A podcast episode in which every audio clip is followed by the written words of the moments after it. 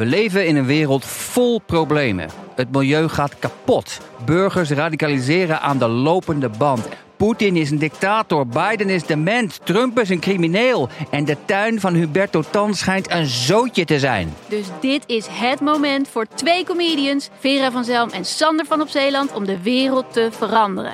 Alles moet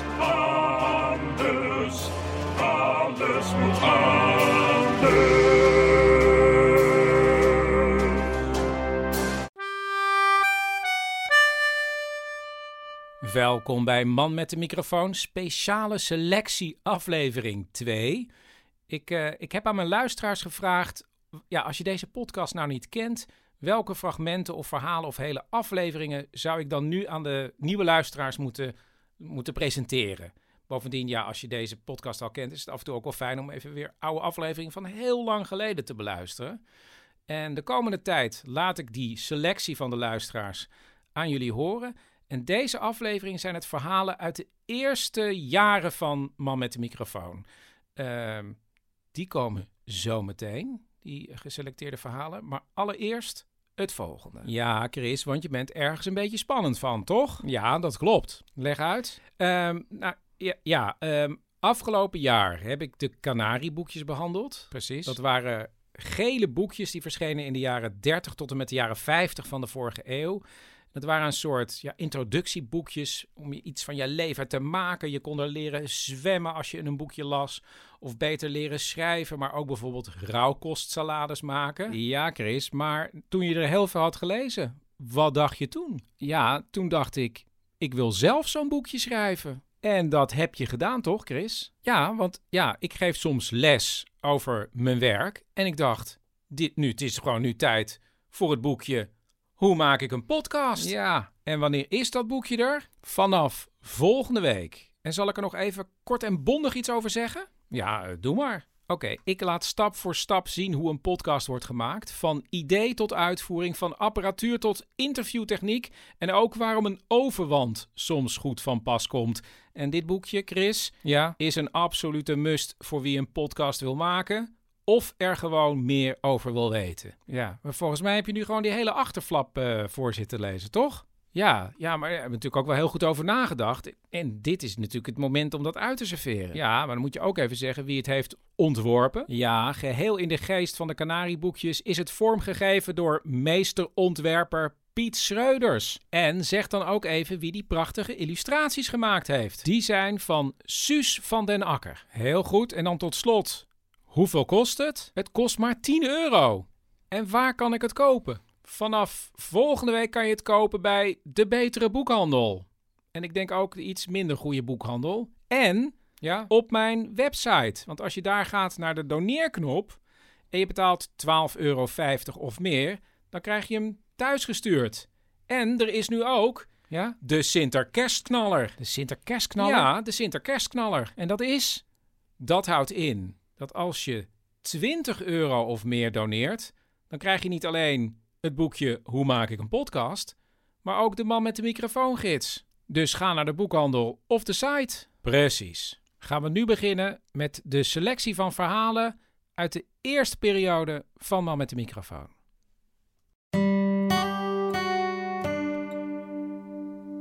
Je hoort nu twee verhalen uit aflevering 3. Die heet In de Maling. En uh, het is een lang verhaal en een kort verhaal.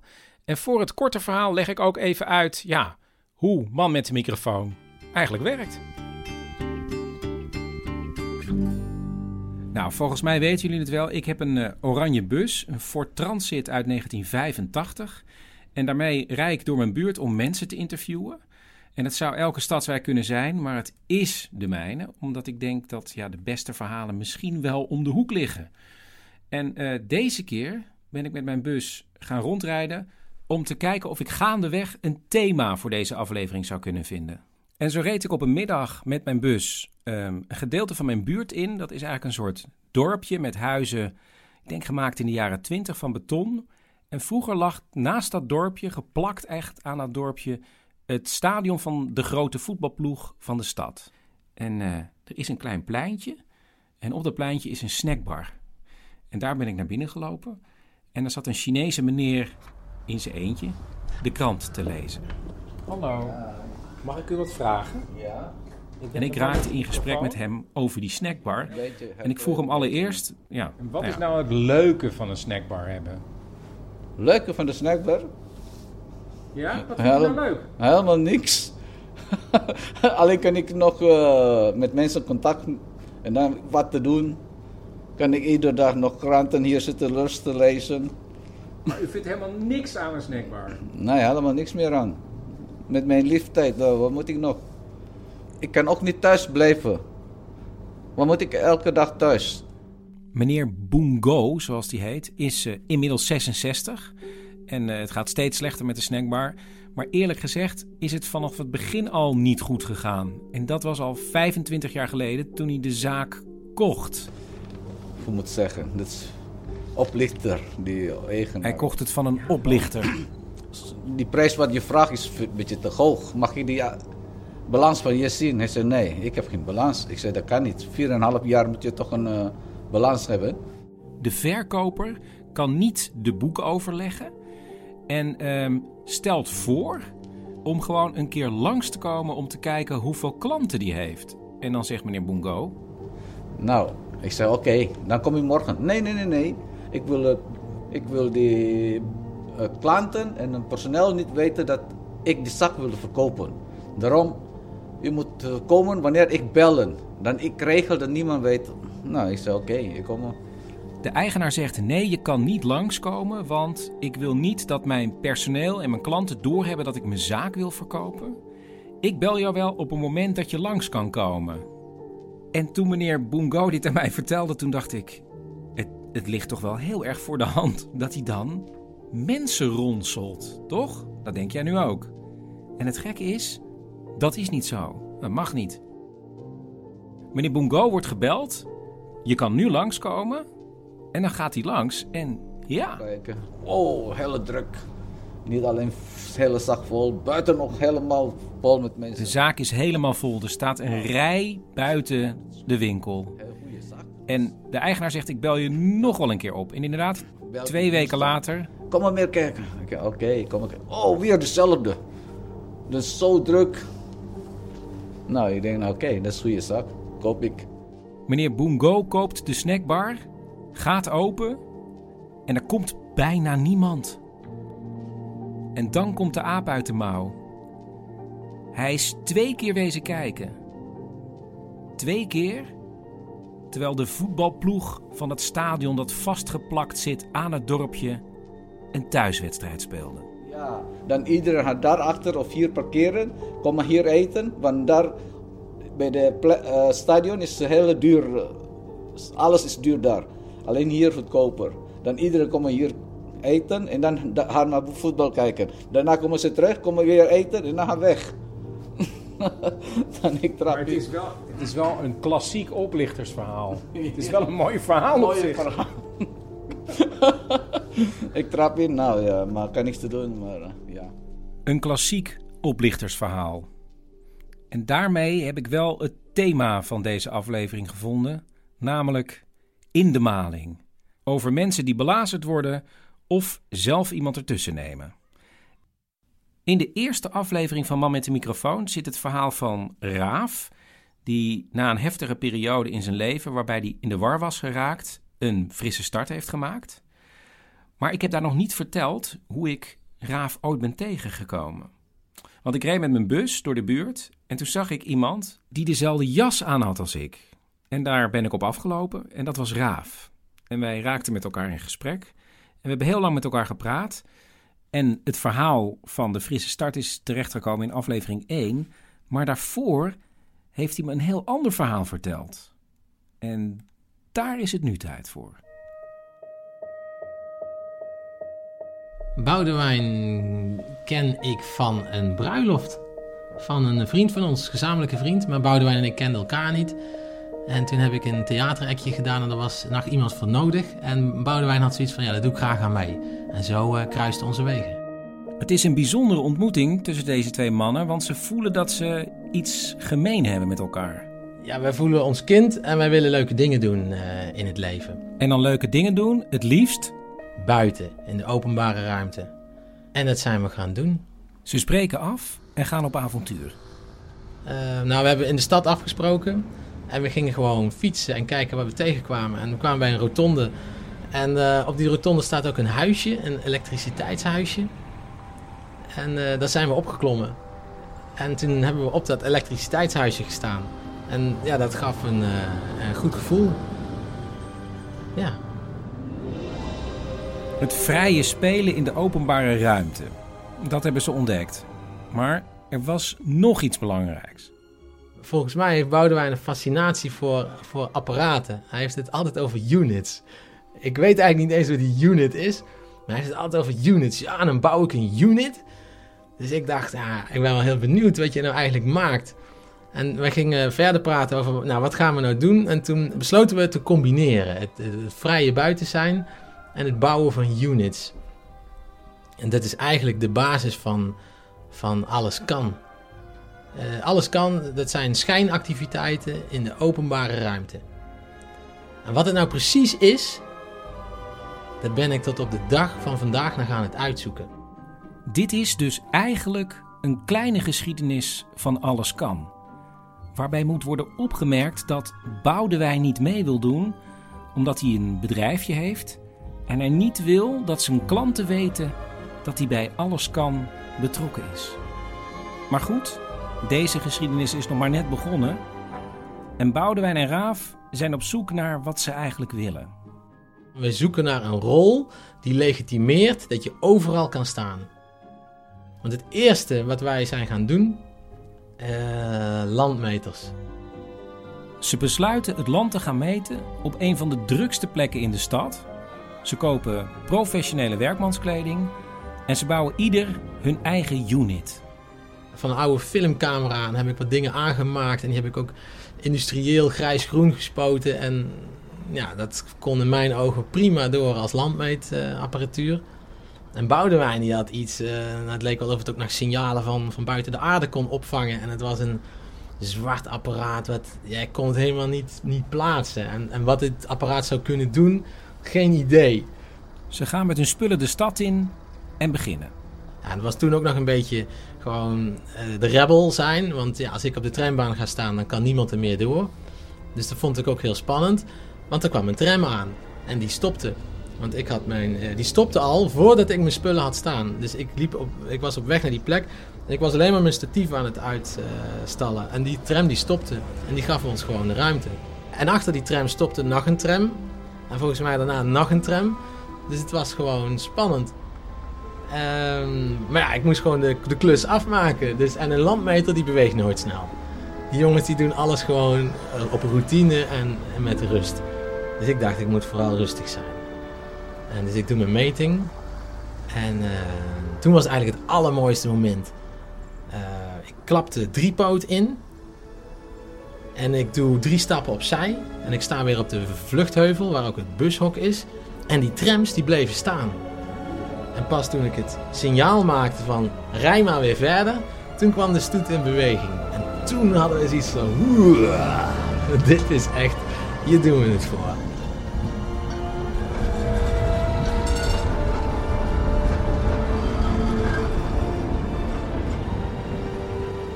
En dan verschijnt er opeens, geheel onverwachts, een bekende van Raaf. Richard. En Richard zei, hey Raaf, ehm, heb je een nieuwe job? Vertel.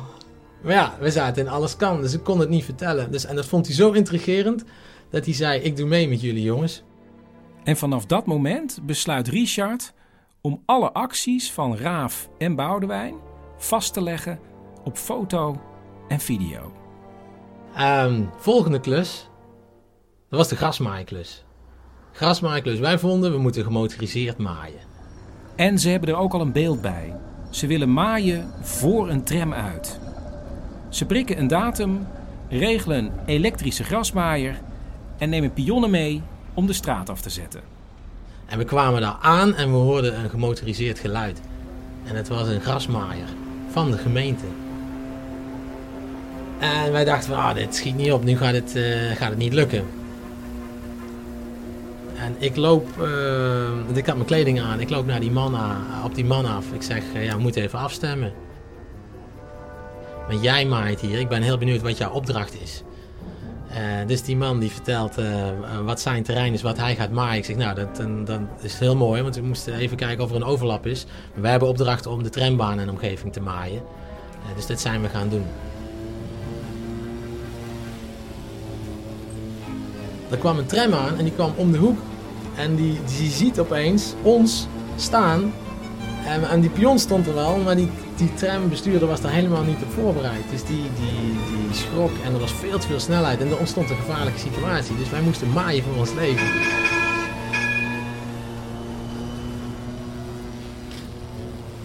Eh, het is goed gegaan.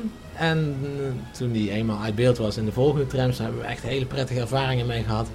Want eh, als de trambestuurder je wel ziet, ja, dan houdt hij er rekening mee. Want eh, jij maait zijn baan. Dus dat, dat, spreekt een eh, respect uit. Na de geslaagde grasmaaiactie raakt Alles Kan goed op dreef.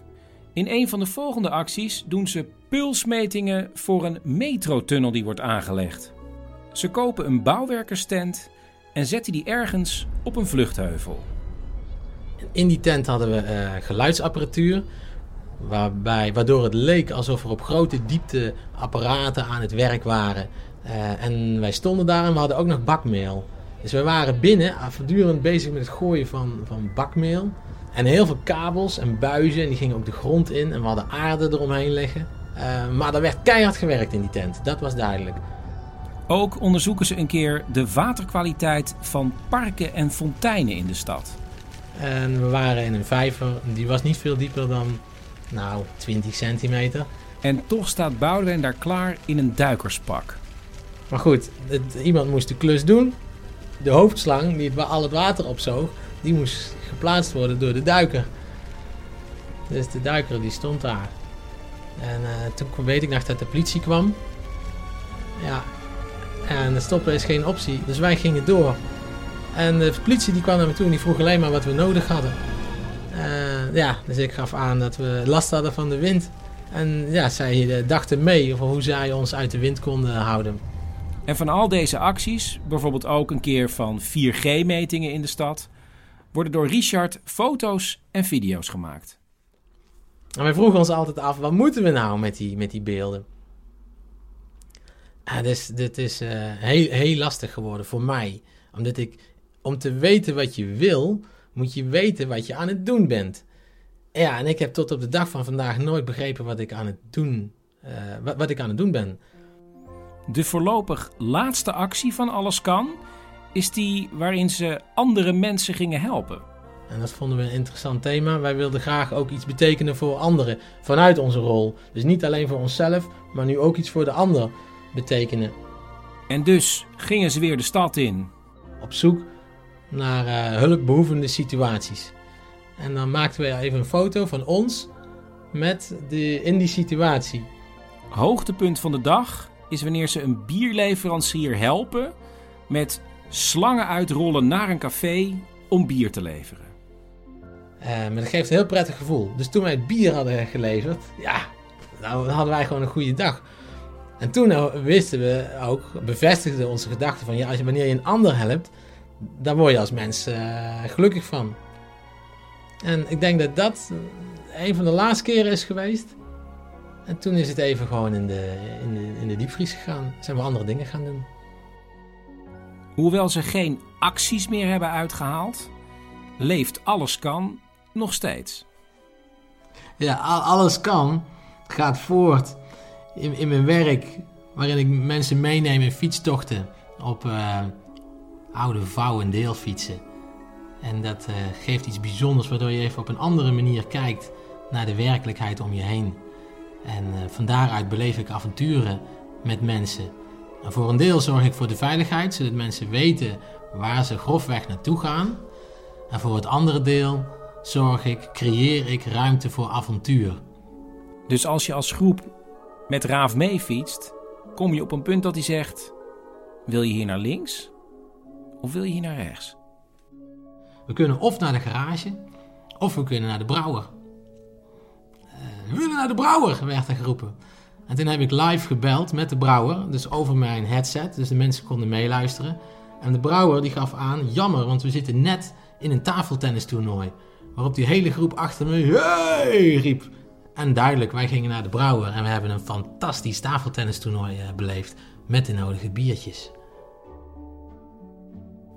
Of Raaf en Boudewijn nog terugkomen met hun schijnactiviteiten in de openbare ruimte is niet helemaal te zeggen, maar zelf denk ik dat dit niet het einde is van de kleine geschiedenis van alles kan. Voor we verder gaan heb ik even aandacht voor mijn hoofdsponsor, Theater de Kleine Comedie in Amsterdam. En ik heb afgesproken met Bert in de theaterzaal voor iets heel bijzonders. Kijk, ja. Ja, hier. Dit is hem. Hè? Dit kastje? Ja, dan zetten we die ding op ons hoofd. En dit hoedje, is dat een tijdmachine? Ja, dat is een tijdmachine, Bert. Zet hem maar even op je hoofd. Staat hij me wel? Staat hij me wel? Het is geen mode, Bert. Het is een tijdmachine. Steve Jobs, die zei altijd... Oh, hou nou eens op over Steve Jobs. Zet hem even op je hoofd. Kijk, doen we dit.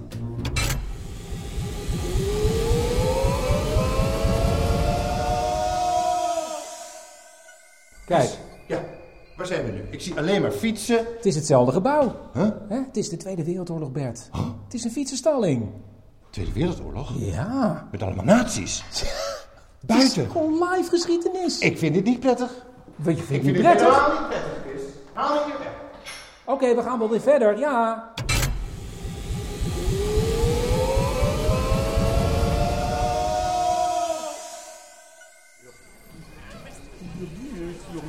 Oh, dit klinkt beter. Hey, iedereen praat Frans, Chris. Ja, het is 1810. Dit is een Franse schouwburg nu. En kijk eens wie er naast je zit. Dat kleine dikke mannetje. Ja, dat is Napoleon. Napoleon. Dat is een dictator. Ja, dat is toch hilarisch dat je nu naast Napoleon zit? Dat weet bijna niemand. alweer niet prettig, Chris. Ja, maar het is toch uniek, Bert? Wanneer gaan we terug? Terug? Daar heb je toch al over nagedacht? Ja.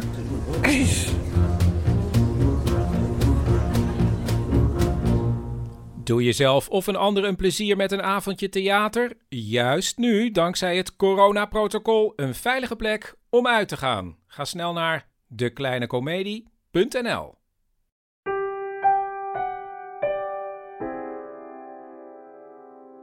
Sommigen van jullie hebben een reactie achtergelaten op Instagram of hebben me gemaild. Anderen hebben een voicemail gestuurd. En Lucie, een oude buurvrouw van mij, verderop in de straat, die stuurde een, eh, een mail en een voicemail. Zij heeft mij ooit op het eh, pad gebracht van een van de thema's, namelijk bankjes. En ik heb haar gebeld en zij kan ook wel even een goed beeld schetsen van eh, man met de microfoon achter de schermen. Dit is Lucie. Ehm, ik was op een ochtend eh, thuis.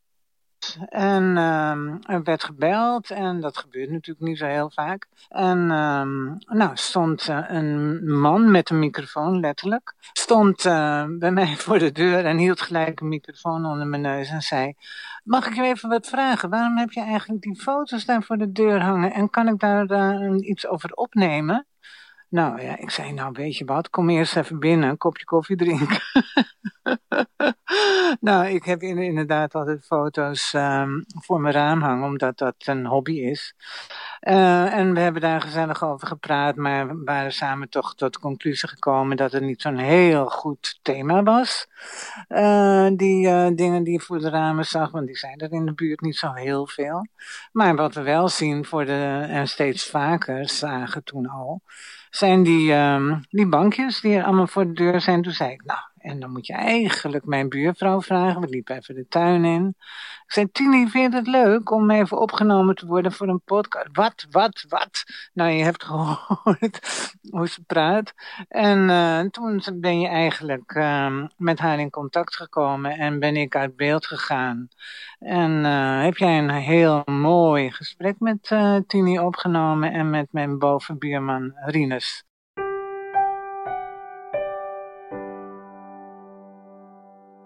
Bij mij in de straat stond een tijd lang een eh, speciale Volkswagen Caddy. Een verlengde auto waarin een rolstoel kon rijden.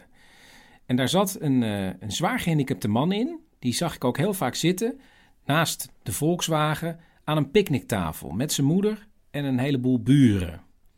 En laatst kwam ik er pas achter dat ik die auto een hele tijd niet had zien staan. En dat klopt, want vorig jaar is de zwaar gehandicapte man, Wim, op 52-jarige leeftijd overleden. Wim is dus geboren en eh, zuurstofgebrek. Dit is zijn moeder Tini. Maar op dat moment wisten wij het nog niet helemaal. En nou ja, Je wist helemaal niet wat er met hem aan de hand op was. dat moment niet nog. Nee, op dit, want ik hoor mijn moeder nog zeggen: Nee hoor, hij markeert helemaal niks. Kijk maar. Nou, hij markeerde dus wel, want hij kon helemaal niks. Je moest hem zo uit bed tillen. Ik bracht hem s'avonds gewoon nog naar bed toe. Dan hadden we hier de rolstoel dan. Dan gingen we naar bed toe. Dan zette ik hier de rolstoel neer en pakte ik hem zo beet. En dan lag ik hem zo in bed en dan draaide ik hem zo om. Dat heb ik al die jaren gedaan. Hoewel Wim lichamelijk gehandicapt is, mankeert hij geestelijk helemaal niks. Kon hij met u praten? Ik kon alleen heel goed met hem communiceren. Heel, ik wist meteen, als er wat was, dan wist ik meteen. Maar hij kon zelf niet praten. Hij kon helemaal niet praten. Nee, helemaal niet. Dus hij zei... "Mhm." En dan... Hij riep gewoon, eh, eh, riep hij dan. Ik zei, ja, wat is dit? Kom eraan. Nou ja, en dan praatte ik gewoon met hem. Door te kijken naar minimale bewegingen, bijvoorbeeld met zijn ogen, en hem vragen te stellen, kan Tini precies achterhalen wat Wim wil zeggen. Ja, u moest altijd maar raden wat er in zijn hoofd Ja, omging. ja. En u was eigenlijk de enige Ja. poort naar de rest van de wereld. Ja, ja, dat was ik ook, ja. Maar eigenlijk is het gewoon... Uw hele leven heeft vanaf het moment dat u Wim kreeg om Wim gedraaid. Ja, ja, ja, want ik heb nog een zoon natuurlijk. En het was altijd Wim, Wim, Wim. Schooljuffrouwen kwamen bij mij thuis. Nou, mijn zoon wou ook wel graag een keertje de juffrouw thuis zien. Is, mijn- is mijn man naar school gegaan. Toen zegt hij, god, zou u niet een keertje thuis willen komen? Want ja, mijn andere zoon vindt het ook zo leuk om een juffrouw even thuis te zien. Nou, toen is het toch gekomen. En toen, oh, dat vond die andere zo schattig. Was zo lief ook, ja, ja, ja. Eh, het was echt een man, echt een kerel. Het was echt een vriend, ook van, eh, van, van mij en van andere mensen. Dit is buurman Rinus, die vaak samen met andere buren voor het huis van Wim zat. Ja, wat mij van Wim altijd bijgebleven is, is zijn, dat als je zo zwaar spastisch bent en dan zo'n levenslust hebt, ja, dat vind ik gewoon eh, geweldig. Dat die man had zo'n plezier in zijn leven. Hij was ondeugend. Als eh, hier langs de straat eh, mooie vrouwen langs liepen, dan keek die man en dan begon hij eh, te glimlachen, want dan wist ik precies wat hij bedoelde. Voetballen kijken. En ja, dat was een lust in zijn leven. En hier buiten zitten natuurlijk op ons bankje. Dat waren vooral zomers als het mooi weer was en lang licht. Ja, dan kwamen de roddels van de hele buurt over, over tafel. En ja, Wim die wist alles. En als wij iets vertelden wat niet waar was, dan eh, kon Wim in zijn spas maar helemaal omhoog komen. En dan op die manier liet hij merken dat hij het er niet mee eens was. En dan ging zijn moeder, omdat ze goed met hem kon communiceren, vragen van Wim, wat bedoel je? Over wie heb je het? Buurman boven? Dan keek hij naar boven. Of was het hiernaast? En dan keek hij opzij. En eh, ja, zo kon zijn moeder met hem communiceren. En zo wisten wij gewoon de laatste roddels. Want Wim zat ook wel eens bij andere mensen. En eh, als Wim dan bij andere mensen was, dachten ze, ja, hij is spastisch, hij kan niet praten. Hij kan toch niks doorgeven. Maar ja, Wim, eh, Wim hoorde alles. En Wim wist alles. En zo kregen wij het ook te horen. Toen hij jonger was, heeft Wim een korte periode buitenshuis gewoond in een instelling waar professionele hulp was. Maar dat was geen groot succes. We kwamen een keer aan, hij zat in een kamertje, had hij dan zo gezegd een stoeltje en een dingetje. En dan hadden ze de ramen vergeten dicht te doen, maar hij keek tegen een soort bosje aan. Nou, hij zat onder de muggenbulten, onder de muggenbulten. Ja, maar, maar die is daar vreselijk een paar keer tekeer gegaan. Nou ja, toen hebben we hem er ook uitgehaald. Hij, wou, hij kon het ook niet meer. Dat was vreemd. Nou ja, en vanaf die tijd dan, dan heb je thuis gewoond hier zo. Maar stiekem was u ook wel blij dat hij weer terugkwam. Ja, natuurlijk. Ik wou hem niet kwijt. Ik wou hem niet. Nee hoor. Vanaf het moment dat Wim weer thuis woont, gaat Tini elke dag met Wim op pad. En ze gaan ook, vaak met heel veel buurmannen, naar veel wedstrijden van Ajax. En daar wordt Wim ook een bekende. Oh, een kamer met allemaal Ajax-shirts. Ja. Allemaal Ajax-shirten, ja. Die waren van Wim. Die zijn heb je allemaal gekregen ook. En van Danny Blind heb je een shirt. Louis van Gaal. Ja, dat is Louis van Gaal. Daar heb je je trainingspak van gekregen. Nou ja. Dat hangt hier zo. De schoenen van Van der Sar. Heb ik gekregen. Ja, hij was daar eh, kind in huis. Van, eh, eh, hij, toen hij overleed, hebben ze ook een kaartje gestuurd. Prachtig kaartje gestuurd ook naar hem. Ongelooflijk. Toen Wim vorig jaar opeens heel erg ziek werd, was buurman Rinus op vakantie in Spanje. Maar toen ik het hoorde, stond ik, ik zal, dat zal ik nooit vergeten. Ik werd ge- we, werden, we kregen op een gegeven moment van de buren, eh, ook kennissen van ons, kregen een sms'je dat het heel erg slecht met hem ging. En eh, ja, eigenlijk zo slecht dat hij eigenlijk eh, ja, zou overlijden. Dat wisten ze, eh, dan ging heel, het ging heel snel. Ja, dat, dat is heel iets onrealistisch. Dat je dan niet... Kijk, als het hier gebeurt, dan ga je meteen naar het ziekenhuis toe, bij wijze van spreken. En dan zou je nog iemand zijn hand maar even vast kunnen houden. Maar ja, dat kun, ik kon niet. Ja, toen kreeg ik, wel even, toen kreeg ik het wel even, even, even moeilijk, zeg maar. Kwam wel even binnen, laat ik het zo zeggen.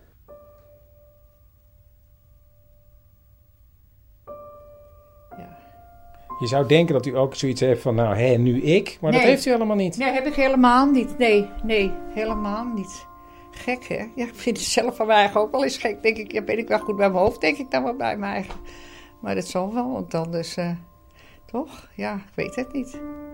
Op de picknickbank hebben de buren een metalen Ajax-plaatje gemonteerd. Met daarin gegraveerd de naam van Wim.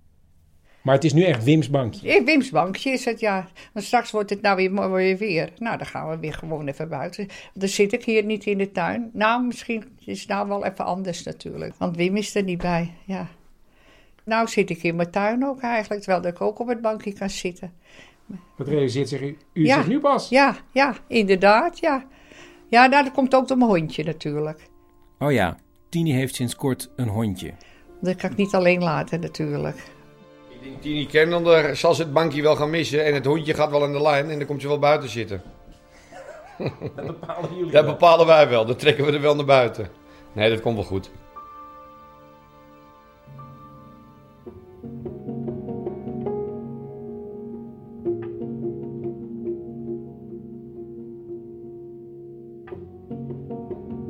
En ehm, ik heb toevallig laatst gehoord dat eh, Marco, dat is de andere zoon waar het ook over gaat, ehm, dat Marco ook nog met een aantal buren van ons ehm, heeft zitten luisteren naar die podcast, omdat het zo mooi was om nog even Wim terug te halen. En eh, ja, en over een tijdje kregen we dan eh, dat het zo mooi is om nog weer even Tini de stem te horen. Want ja, Tini die is vorige week donderdag net overleden. En eh, ja, daar zijn we allemaal nog wel een beetje beduust van. Want eh, ja, pas een week of zes geleden ging het eigenlijk niet goed meer. Ze was heel erg aan dementeren. En eh, onze andere buurman Bob, die kon het gewoon niet meer aan. En, eh, en die verzorgde haar, die heeft zelfs op een gegeven moment eh, wekenlang bij haar geslapen om maar te zorgen dat ze niet uit huis hoefde, maar het was gewoon niet meer te doen. En ehm, nou, toen heeft hij Marco opgebeld en zei, ja Marco, we moeten nou toch iets anders verzinnen. En eh, nou, Marco gelijk in actie. En gelukkig was er toen plaats bij ehm Amsta, hier vlak in de buurt ook weer. En daar heeft ze dan zes weken gezeten, maar het ging elke dag slechter. Het was, wist helemaal niet meer waar ze was. En nou, het was zo triest. En eh, ja, toen werd ze op een gegeven moment dus ook echt ziek. En eh, ja, nou, vorige week eh, overleden. En we gaan hem morgen begraven.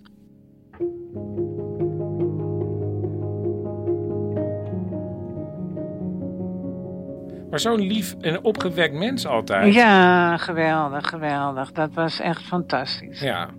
Nou ja, dus als ik, ja, dit is een soort, wordt een soort, eh, een soort herdenking ook voor Tini eigenlijk, als ik dit in- Eh, erin gooi. Als ja, herhaling. ja. Ja, wat je wil. Ja, ja, dat ga ik zeker doen. Ja. Ja, nou, dat is wel heel mooi, ja. Want ja, ze, ze was echt belangrijk in de straat. En eh, nou, ze had ook al, iedereen heeft gewoon ook heel veel ehm, warme gevoelens bij haar. Net als jij eh, zegt, van een lieve vrouw. Echt een lieve vrouw. En ik, eh, ik keek nog even, want ik ben net nog even, maar de, de, de, bank staat er nog. Ja, zeker. En die, nou, die is nog niet heel lang geleden vernieuwd, want ze, wa- ze waren er bijna doorheen gezakt. En, Maar ik zag de bank en het plaatje nog. Ja, nee, maar goed, toen hebben de buurmannen, die hebben, die hebben die bank weggehaald. En gewoon gelijk een nieuwe besteld. Plaatje vervangen en, eh, en, of een plaatje eraf gehaald en weer op de nieuwe bank neergezet. En die staat nu bij ons voor de deur. Dus ja, maar ja, eh, er zit niemand op hoor, dat durven we allemaal nog niet. Dus ook, maar over een tijdje gaan jullie misschien voorzichtig op hun bankje zitten. Ja, ik denk het wel. Tuurlijk, tuurlijk. Ter herdenking alleen dat al. Dat is natuurlijk hartstikke mooi.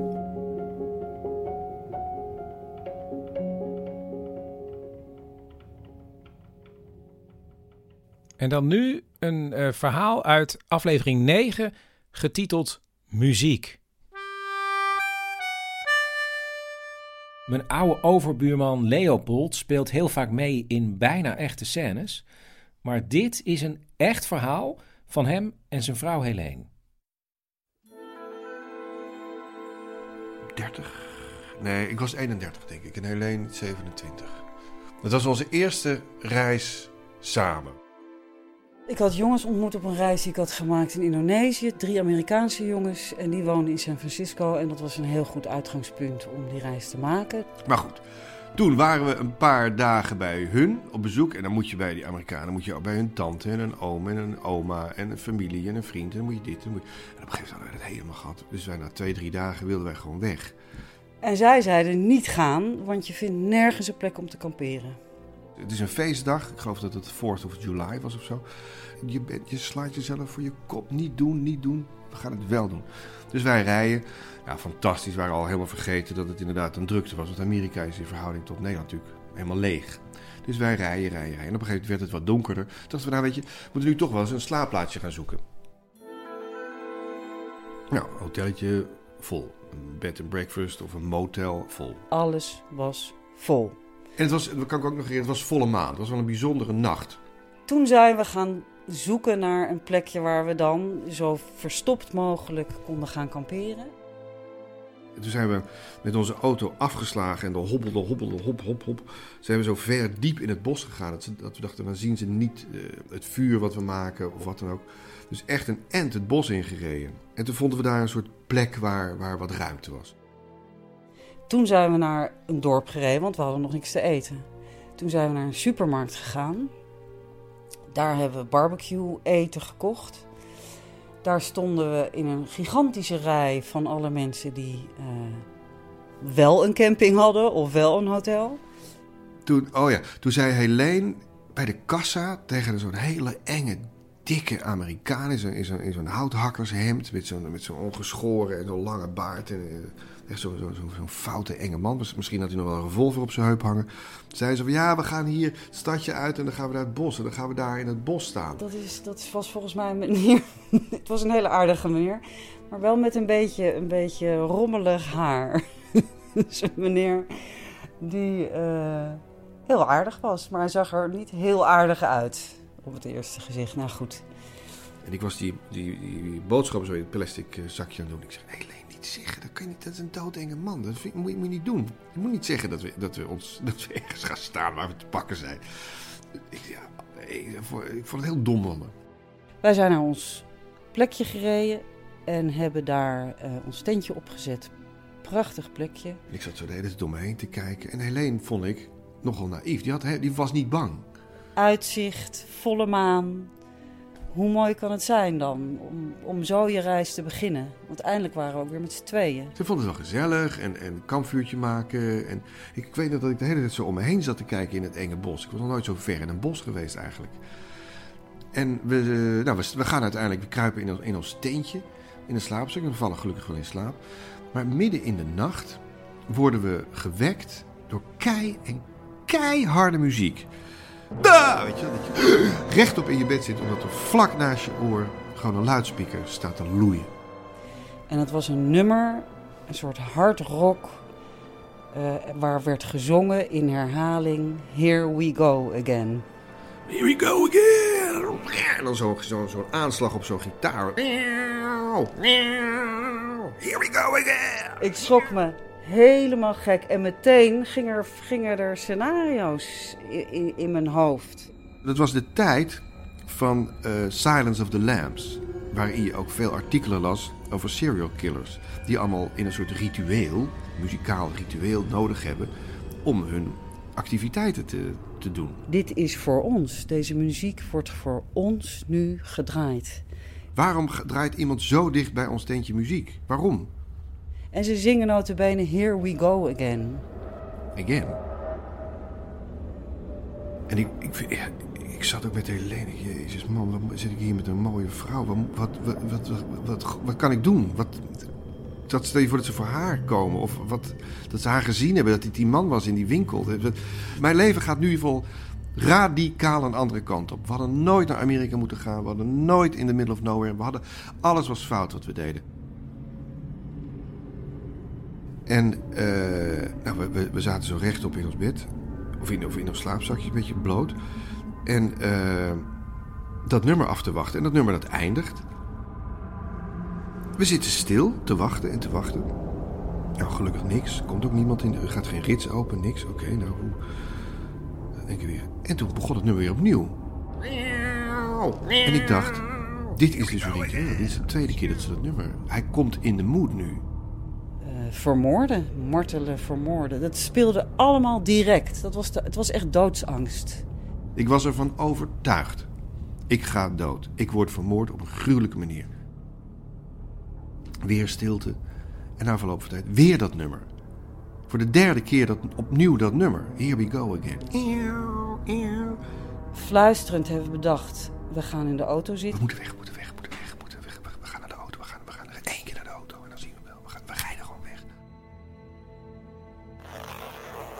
En we trekken die rits open. Nou, dat was al dood en doodeng, want daar stond hij of zij dan.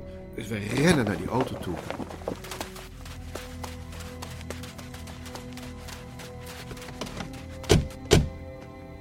En we zitten naakt in die auto, midden in dat bos, zonder iets of iemand om ons heen.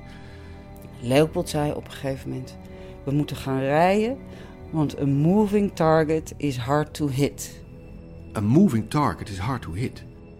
Nou goed, en ik startte de motor en wij rijden keihard door dat bos.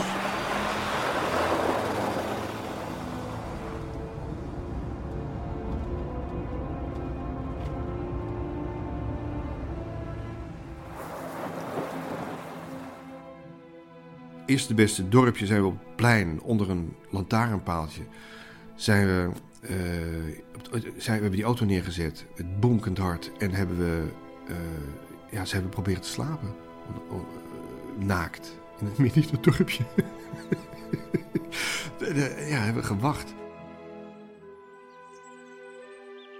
En toen het licht werd.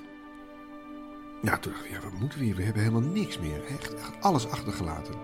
Nou ja, overlegd en toen besloten om toch maar terug te gaan.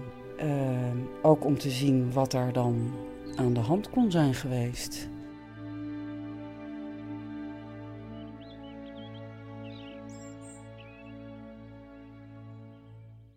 En eh, we, zijn dat, we hebben dat plekje weer gevonden. En er was niets gebeurd, helemaal niks. Alles stond er nog. Er was gewoon niks aan de hand. We hebben de spullen in de auto gepakt, zijn weggereden en besloten wij gaan nooit meer vrij kamperen. Never. Ik heb nog de hele vakantie door, heb ik nachtenlang banend in het zweet wakker geworden. En ik heb nog de hele reis, iedere keer als we wegkwamen en terugkwamen bij het tentje, gedacht: nu zit er een briefje op de tent van die mensen. Van we, we komen er nog aan, maar we laten jullie nog even. En zijn we, uiteindelijk zijn we ook in New York gekomen. En toen hebben we in allerlei platenzaken hebben we gezocht naar die muziek. Hebben we het ook voorgezongen, heel dom, bij zo'n toonbank. Eh, do you know the song the Here We Go Ja, Again? nou, here we go again. Maar ik heb dat nummer nooit meer teruggevonden. Misschien bestaat het nummer wel helemaal niet.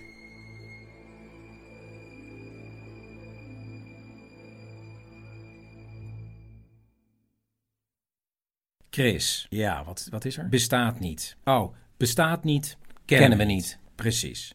Want, nou, wat wij kennen, iemand, Marijtje. En die werkte jaren geleden in een platenzaak, grootste van Nederland. Die hebben we uitgenodigd. Ehm, ja, Marijtje, zeg het zelf maar even. Ik eh, stopte een jaar met studeren en toen ging ik bij eh, een muziekzaak op de hoek van de Dam en de Kalverstraat werken. Eh, en ik had dus heel vaak bij mij op de jazz blues afdeling had ik inderdaad mensen die eh, liedjes eh, kwamen zingen. Ik kan me zelfs herinneren dat er één keer een man was en die deed een heel combo in zijn eentje. Een hele grote Amerikaanse man. Die eh, zei, and it goes something like this. En die begon toen zo'n hele chat sessie in zijn eentje. Eerst de bas. En daarna overheen een hele drumstel en een, eh, en een keyboard. En het was een sessie en ik stond met mijn collega Tim met onze mond open te luisteren. Aan het eind moesten wij heel treurig zeggen... "Uh, sorry, we, we just don't know what it is. En dus eh, dat gebeurt vaak hoor, bij muziekwinkels. Maar ik weet niet of dat nu natuurlijk nog zo is. Of er nog zoveel gezongen wordt bij kassa's van... eh, ik zoek dat nummer. Goed, als er iemand is die ons aan het nummer zou kunnen helpen, dan is het, ja, dan is het Marijntje. Nou. we hebben er dus, Chris, ja, bij de montage uitgenodigd. Oké, we zitten nu achter mijn computer en ik heb even het stukje van Leopold eh, klaarstaan waar die dus dat nummer even zingt, hè, Marijntje. Komt-ie. Hoe ging het? Als je het zou na moeten doen nu. Het zit nog steeds in je hoofd. Ja, het zit nog steeds absoluut in mijn hoofd. Dat is de, 26 jaar later, 27 jaar later, zit dat nog in mijn hoofd, ja. Here we go again! Absurd dat ik dit sta te zingen. Maar het was zo eng. Ja, het is niet heel veel, hè? Maar het is Nee. iets... Ja. ja, ik weet wel op welke collega's van welke afdeling van de muziekwinkel ik even wil benaderen. Ja, we moeten gaan zoeken. Ik vind het wel leuk. Vindt Marijtje het nummer? Of bestaat het niet? En als het bestaat, hoe gaan Leopold en Helene hierop reageren? Hoor het allemaal aan het eind van Man met de microfoon, aflevering 9 met als thema muziek. En in dit geval hoor je de afloop van dit verhaal aan het eind van deze compilatieaflevering. Oh, ik geloof dat ik al aan de voicemail hang. Ehm, als dat zo is, hallo Chris. Dit is Teun en Teun belde in met een aantal favoriete fragmenten, waaronder deze. Ehm, dat is de aflevering Auto's. Over de dame die een, een ehm, Ford, een Ash. Wat, was het nou? Eh, Niet Ashhole. Ash. Edsel. De Edsel. Die kocht ze. Dieneke van de winkel met tweedehands kleren is verzot op Amerikaanse auto's. En ze rijdt er ook al jaren in. En haar lievelingsauto, die ze nog steeds heeft, is een Ford Edsel uit 1958.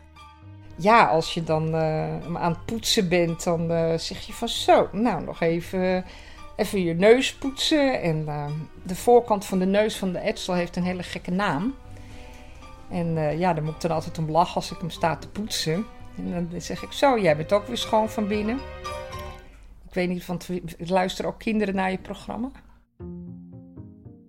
Oké, de voorkant van de Edsel is apart. Komen we later op terug. Eerst eens kijken hoe de liefde voor de Amerikaanse auto is ontstaan bij Dieneke. Nou, toen wij thuis een auto kregen, toen kregen we eerst een Simca. En dat vond ik zo'n raar klein autootje. En toen kocht mijn vader daarna een Fortaunus. En dat was een racemonster. En dan zaten mijn moeder en ik achter het stuur. En dan zei ik, ma, als eerste weg hè, bij het stoplicht, als eerste weg. En dan, ik had een heel klein moedertje en dan heel mager. En dan zat ze daar, ja, gaan we doen, gaan we doen. En dan scheurden we weg en dan hadden we zo lol met z'n tweeën. Want dat mens kwam bijna nog ineens boven de, het raam uit. En je zag mensen echt kijken van, nou ja, zo'n oud mens. En dan hadden we de hond op de hoedenplank. En die schoof dan van links naar rechts helemaal mee op die hoedenplank. En ik denk dat daar gewoon, ja, de liefde is ontstaan voor auto's. En toen kreeg mijn neef een prachtige station Amerikaan. Nou, dat vond ik zo indrukwekkend en kicken. Ik had zoiets, dit is het. Dat je gewoon achter bijna kan lopen in je auto. Ik vond het zo'n gek ding. Ja, toen is het eigenlijk begonnen. En vooral die Amerikanen, omdat ze zo gek groot waren. Toen haar neef een nieuwe auto kocht, nam zij zijn Chevrolet Citation over. En toen ze haar man Jos ontmoette, werd hij ook fan van Amerikaanse auto's. En ja, toen was er geen houden meer aan. En toen hebben we eh, een blauwe Cadillac gekocht en een roze Cadillac. Ja, maar later ook nog een groene Cadillac en een Amerikaanse camper. En toen? En toen zeiden we van dit wordt wel erg veel. Toen hebben we de groene verkocht. En die citation is naar de sloop gegaan. Nou ja, je begrijpt een beetje hoe het werkt. Je koopt auto's, verkoopt ze weer. En als je ze verkoopt, heb je weer ruimte voor een nieuwe. Oh, in 1997 hebben wij de Edsel gekocht. Van de erfenis van mijn moeder. En ik had zoiets van: ik wil daar iets tastbaars voor kopen. Iets waar ik helemaal gek van ben. En eigenlijk niet zou kopen zomaar. En dus gingen ze naar een importeur die zojuist een nieuwe lading Amerikaanse auto's had ingevoerd. Er stonden een zootje Amerikanen op een rij. Hele dure, hele mooie eh, Cadillacs. En ik zag die Edselneus en ik was verliefd. En Jos zei nog, ja, maar Cadillac is meer waard. En. Nee, ik wil die niet. Ik wil die Edsel. Niet wetende dus wat voor auto het was. Ik vond de vormen mooi. En dus reed ze vol trots naar een bijeenkomst van Amerikaanse auto's met haar Ford Edsel. En toen kwamen al vrij snel mensen wat lacherig op haar af. Weet je dat je een mislukte auto gekocht hebt? De Edsel stond bekend als een mislukte auto. En? Het was de lelijkste auto ter wereld.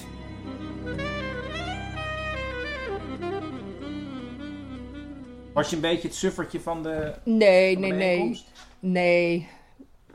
Een beetje. Ja, heel klein beetje. Nee, nee. Jawel. Nee, wel. Jij was die gek die zo'n Edsel had gekocht. Ja, oké, ik beken.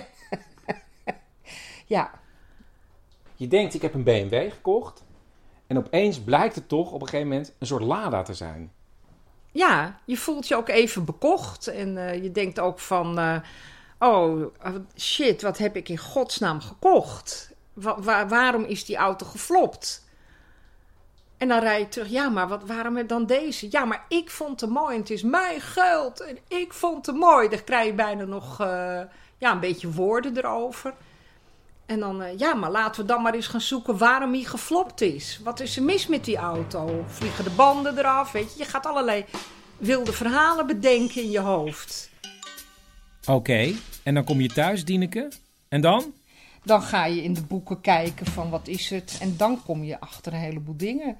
Ja, en dat was in 1997. En nu is het 2018. En nu heb je op internet natuurlijk zo het verhaal gevonden van de Edsel. Het verhaal van de grootste commerciële mislukking aller tijden. Want in de jaren 50 had Ford een achterstand op andere automobielbedrijven. En ze wilden komen met de auto die alle andere auto's zou verslaan. En die heette dan heel geheimzinnig de e-car, de experimentele auto. En ze pompten daar waanzinnig veel geld in, namelijk 400 miljoen dollar. En dat zou nu ongeveer gelijk staan aan 4 miljard dollar.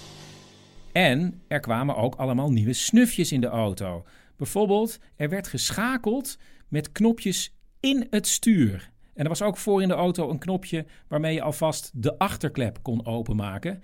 En er was ook een opvallende vormgeving, want er werd gekozen voor gebogen lijnen naar beneden, terwijl tot dan toe alle buigingen in een ontwerp naar boven gingen. Daarnaast kwam er voor op de auto geen horizontale, maar een verticale grill in een grote ovale vorm. Goed, dan is natuurlijk misschien wel het allerbelangrijkste de naam van de auto. Hij heette dus eerst e-car, maar ze zochten een andere naam erbij. En dat wordt eventjes in de, ja, voor een tijdje Edsel. Want Edsel was de zoon van Henry Ford, die ooit de fabriek begonnen was en zelf ook een tijd lang directeur was geweest. Maar ze wilden eigenlijk een andere naam. Toen hebben ze een reclamebureau gevraagd een andere naam te verzinnen. Maar wat gebeurde er nou? In plaats van dat dat reclamebureau met nou, twee, drie namen zou komen, hebben ze een lijst gegeven van 6000 mogelijke namen. En omdat er zoveel geld was, hebben ze ook nog vrijdenker en dichter Marianne Moore gevraagd om een naam te verzinnen. En dan krijg je voorbeelden als Utopian Turtle Top, Mongoose Civic of The Intelligent Whale. Kortom, het werd Edsel. Een auto waarvan ze dachten dat ze in het eerste jaar alleen al 200.000 exemplaren zouden verkopen. En omdat ze er zoveel vertrouwen in hadden, kochten ze zendtijd op de televisie. En niet zomaar, nee, ze kochten een heel uur Ed Sullivan Show weg voor een speciale Edsel Show. Bing Crosby, Frank Sinatra, Louis Armstrong, and the Four Preps. This is the Edsel.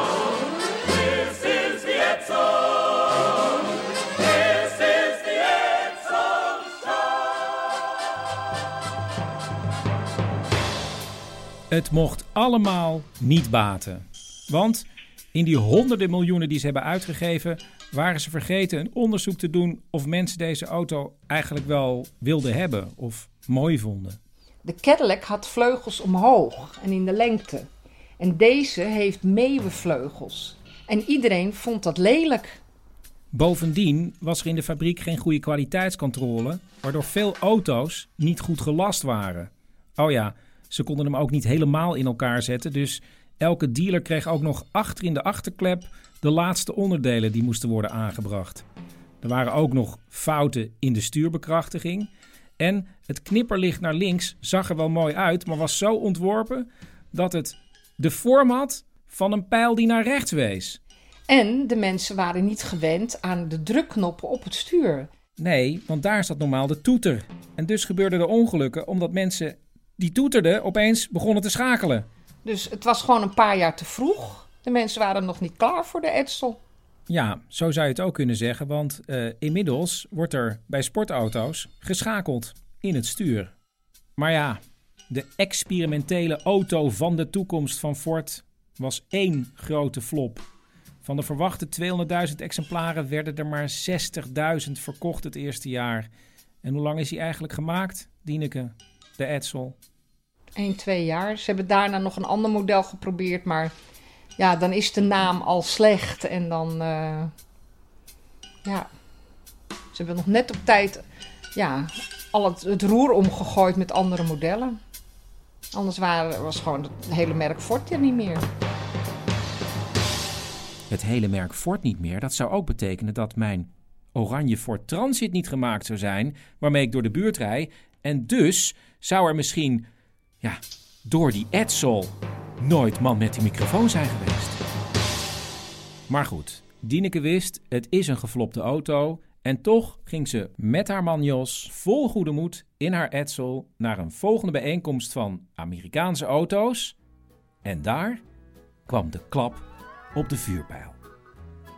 Toen werden we dus ingeschreven en die man die zei van... eh, oh, ja, Cadillac, Cadillac, Cadillac. Oh, en de Ford Edsel Kamelenkut. Ik zeg, pardon, wat zegt u? Oh ja, dit was het woord dat volgens Dieneke niet geschikt was voor kinderen. Nou ja, te laat. Ja, nou, dat is zijn bijnaam. Doorrijden. Ja, die voorkant van de Edsel met die verticale ovale grill. Dieneke wist wel dat die af en toe toiletbril werd genoemd. Maar dit was echt nieuw. En, en, en toen kwam je bij Jos en toen zei je... Jos, nu weet ik het hele verhaal. Ja, nou ja, Jos zei toen van... eh ah joh, zei, je wordt in de maling genomen. Ik zeg, ik ga naar die man toe, ik ga het vragen. Ah joh, laat zitten. Maar ja, dat kan ik dan niet, dus ik ben toch naar die man gegaan. En toen, nou, ik zei toen tegen die man van... Is dat iets wat u vindt? Of is dat iets wat algemeen is? Nee, zegt hij, dus, eh, zo noemen ze al die forts. Dus nou ja, ik denk, nou, ik kan er ook nog wel bij. Je wist al dat hij lelijk was, maar je wist niet waar hij op leek. Nee, nou, dat weet ik nu dus. Op een kamelenkut. dus, daar rij ik in. En het grappige is, het is de enige auto die je nog over hebt eigenlijk. Ja. Bewust, ja. Want al die Cadillacs die zie ik op elke meetings in alle kleuren. En Chevrolets in alle kleuren. Zat te krijgen nog. En de Edsel niet. Dus daar blijf ik gewoon nog, eh, ja. Mijn eerste grote liefde en daar blijf ik bij. You can read about it, hear about it, but you've got to feel it. Feel the thrill of owning an Edsel. It's a car designed around you. From the Ford family, a fine car. Ik heb mijn bus vaak een hele tijd neergezet op één plek. Of dan zat ik zelf op één plek een hele tijd in een winkel of zo. En eh, veel van jullie weten dat ik een groot schaatsliefhebber ben. Ik wacht eigenlijk mijn hele leven op de Elfstedentocht die gaat komen. En eh, een paar jaar geleden was ik aan het trainen voor de alternatieve Elfstedentocht. En toen heb ik mijn bus gewoon neergezet, een maand lang, op de ijsbaan. En toen ben ik met allerlei mensen in gesprek geraakt. En eh, uit die aflevering hoor je nu twee verhalen.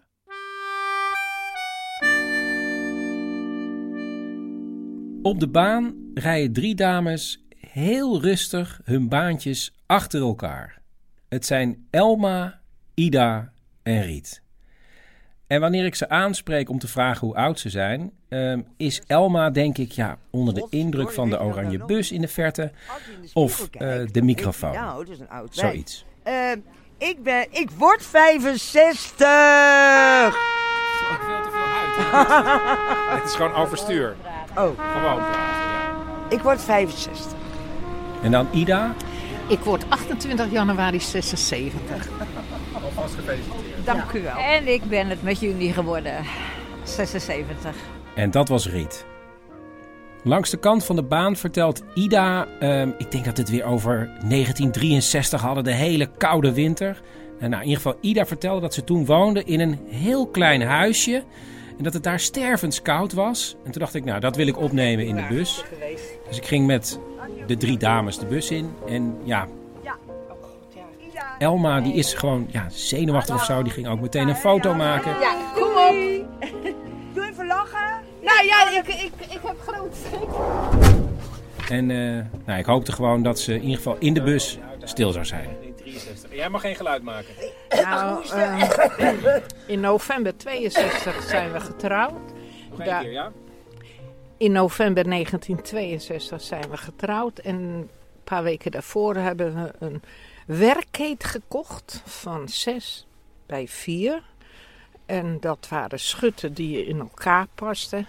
En daar hebben we een huisje binnen gemaakt. Een kamer en een keukentje en een heel klein slaapkamertje. En eh dan kwam de brandweer een tankwagen met water. Moesten we 's morgens een tijl aan de weg zetten. Die vulde de tijl. En waar stond hij? Voor de kachel. Ja, misschien Binnen. En daar lag 's morgens, als de kachel uitgegaan was, 's nachts lag er 's morgens ook een laagje ijs in. Was het niet verschrikkelijk gevaarlijk ook om in dat huisje te wonen? Je wist, je wist toch niet beter? Was heel gelukkig. Ik, eh, dat was mijn eerste paleis. Ik heb nu een, een knoer van een huis, maar ik was daar net zo gelukkig in als dat ik nou in dit huis ben. Dat is echt waar. Terwijl het langzaam begint te regenen op mijn bus, vertelt Ida dat haar man na de werkkeet jarenlang drie kleine huisjes heeft opgeknapt tot het prachtige huis waar ze nu woont. Eigenlijk was het allemaal klaar toen haar man net met pensioen ging. Ja, toen was hij 65. Toen werd hij dementerend. op 65-jarige leeftijd? Ja. ja. Dat is heel vroeg, heel ja, jong. ja, ik heb hem nog een paar jaar zelf thuis kunnen houden. Maar het was ook een sportman. Hij ging midden in de nacht weg. Ik kon, ik kon het zelf niet meer. De politie kwam hem dan weer thuis brengen. En ik kon de deur wel dicht doen, maar op een gegeven moment kan dat niet meer. Ze hebben iets in de hoofd zitten en dat moeten ze doen. Als ik, als, als ik sliep, als ik wegzag, eh, dan hoorde hij aan mijn ademhaling dat ik sliep. En dan wist hij niet hoe gauw of hij eruit moest gaan. En dan zat hij in, had ik alles op slot, zijn fiets, zijn deuren. Hij was ondeugend hoor. En eh, dan ging hij bij de tafel zitten met zijn jas aan en zijn pet op en zijn handschoenen aan. En dan, als hij maar dacht, ik heb een gaatje, was hij weer weg. Nadat ze een paar jaar lang voor haar man gezorgd heeft, zien haar kinderen dat het niet langer gaat. Toen zeiden mijn kinderen, als je pa niet op laat nemen, dan moeten we jullie volgende week alle twee op laten nemen. Want ik zat er ook doorheen. Hij liep thuis ook natuurlijk. Alsmaar. We zijn begonnen met een dagopname. En als hij daar een uurtje zat, pakte hij zijn tas. Want die hebben geen gesloten afdeling. Dan was hij na een uur weer thuis. Je kinderen hebben gezegd, nu is het genoeg. Ja. En toen? Nou, toen is hij opgenomen op een gesloten afdeling. Maar wat, wat zei jij toen? Ik had geen keus. Ik kon het niet meer. Nee, maar het was goed wel. Ja, nee, maar ik bedoel... Ja, wat- ja, het- het- het- maar wat gebeurt er dan met jou op dat moment? Als je... Nou, dan ging ik, de eerste week ging ik er niet heen, want dan had ik hem mee teruggenomen. Ja, je- ik, ik was 50 jaar getrouwd met hem. De eerste week ben je thuis gebleven. Ja. Ik dorst er niet heen. En na die eerste week is er bijna geen dag dat ze niet naar hem toe gaat. Ik, eh, ik ging zes dagen op bezoek bij mijn man. Dan ging ik smiddags eh, met hem de, iedere middag eten geven en wandelen met hem in de rolstoel. Maar op woensdag ging ik schaatsen. Ja, Dus daar ging een zusje van mijn man, ging dan op woensdag naar mijn man. Maar woensdags ging ik schaatsen om mijn hoofd leeg te maken. Ehm, als ik om 11 uur ging, dan eh, ging ik eh, mensen helpen eten geven of verschonen of doen. En dan half één eh, eten geven. En dan kleedde ik hem aan en dan zette ik hem in een rolstoel. Hij, liep eh, da- 24 uur per dag. Het was een marathonholler. Nou, hij heeft overal geweest. Eh, jong vrouw in Zwitserland, York, alles heeft hij gelopen. En hij bleef daar ook lopen. En dan net zo lang totdat hij viel. Niemand kon hem tegenhouden. Hij liep altijd. Ja, als ik kwam om 11 uur, dan moest ik hem echt beetpakken en hem een douw geven om hem op een stoel te zetten.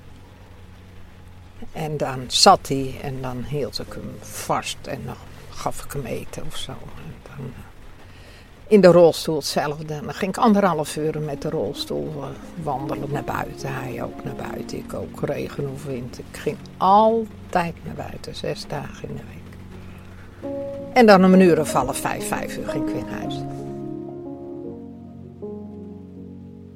En, en toen was mijn man weer gevallen, heel vaak. Dan een gat in zijn kop en dan zijn handen kapot. Maar hij mocht van mij nooit naar het ziekenhuis. Nou, de- omdat ik er dan s'nachts bij moest blijven en, en, en zijn handen vastgebonden moesten worden, want dan ging eruit. Het kon niet.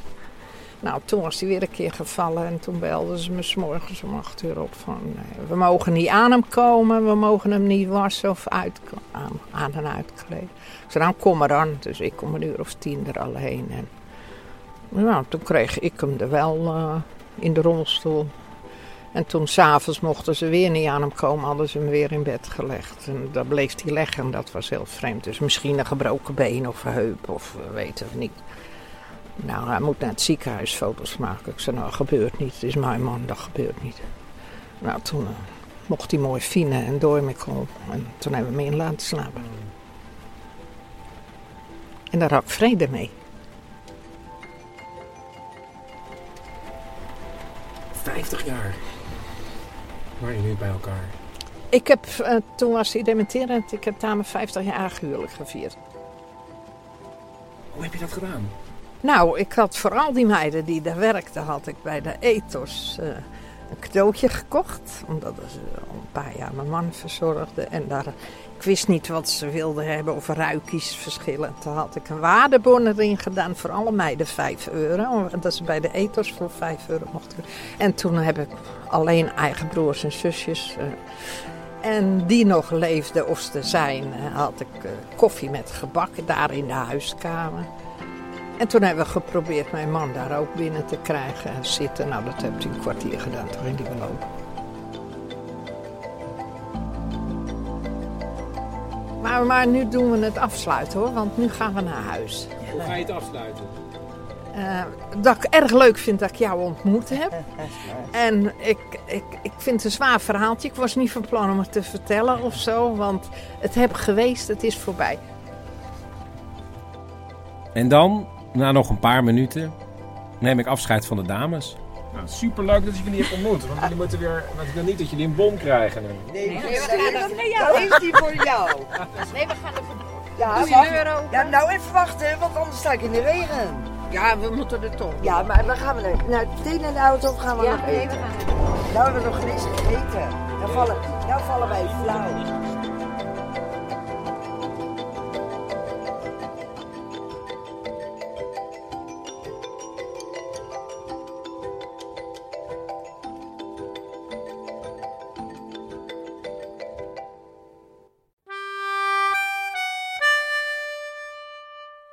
Ik heb met de 86-jarige schaatscoach Kees Lissenberg afgesproken omdat ik van iemand had gehoord dat hij begin jaren 90 met een groepje schaatsers naar Moskou was afgereisd.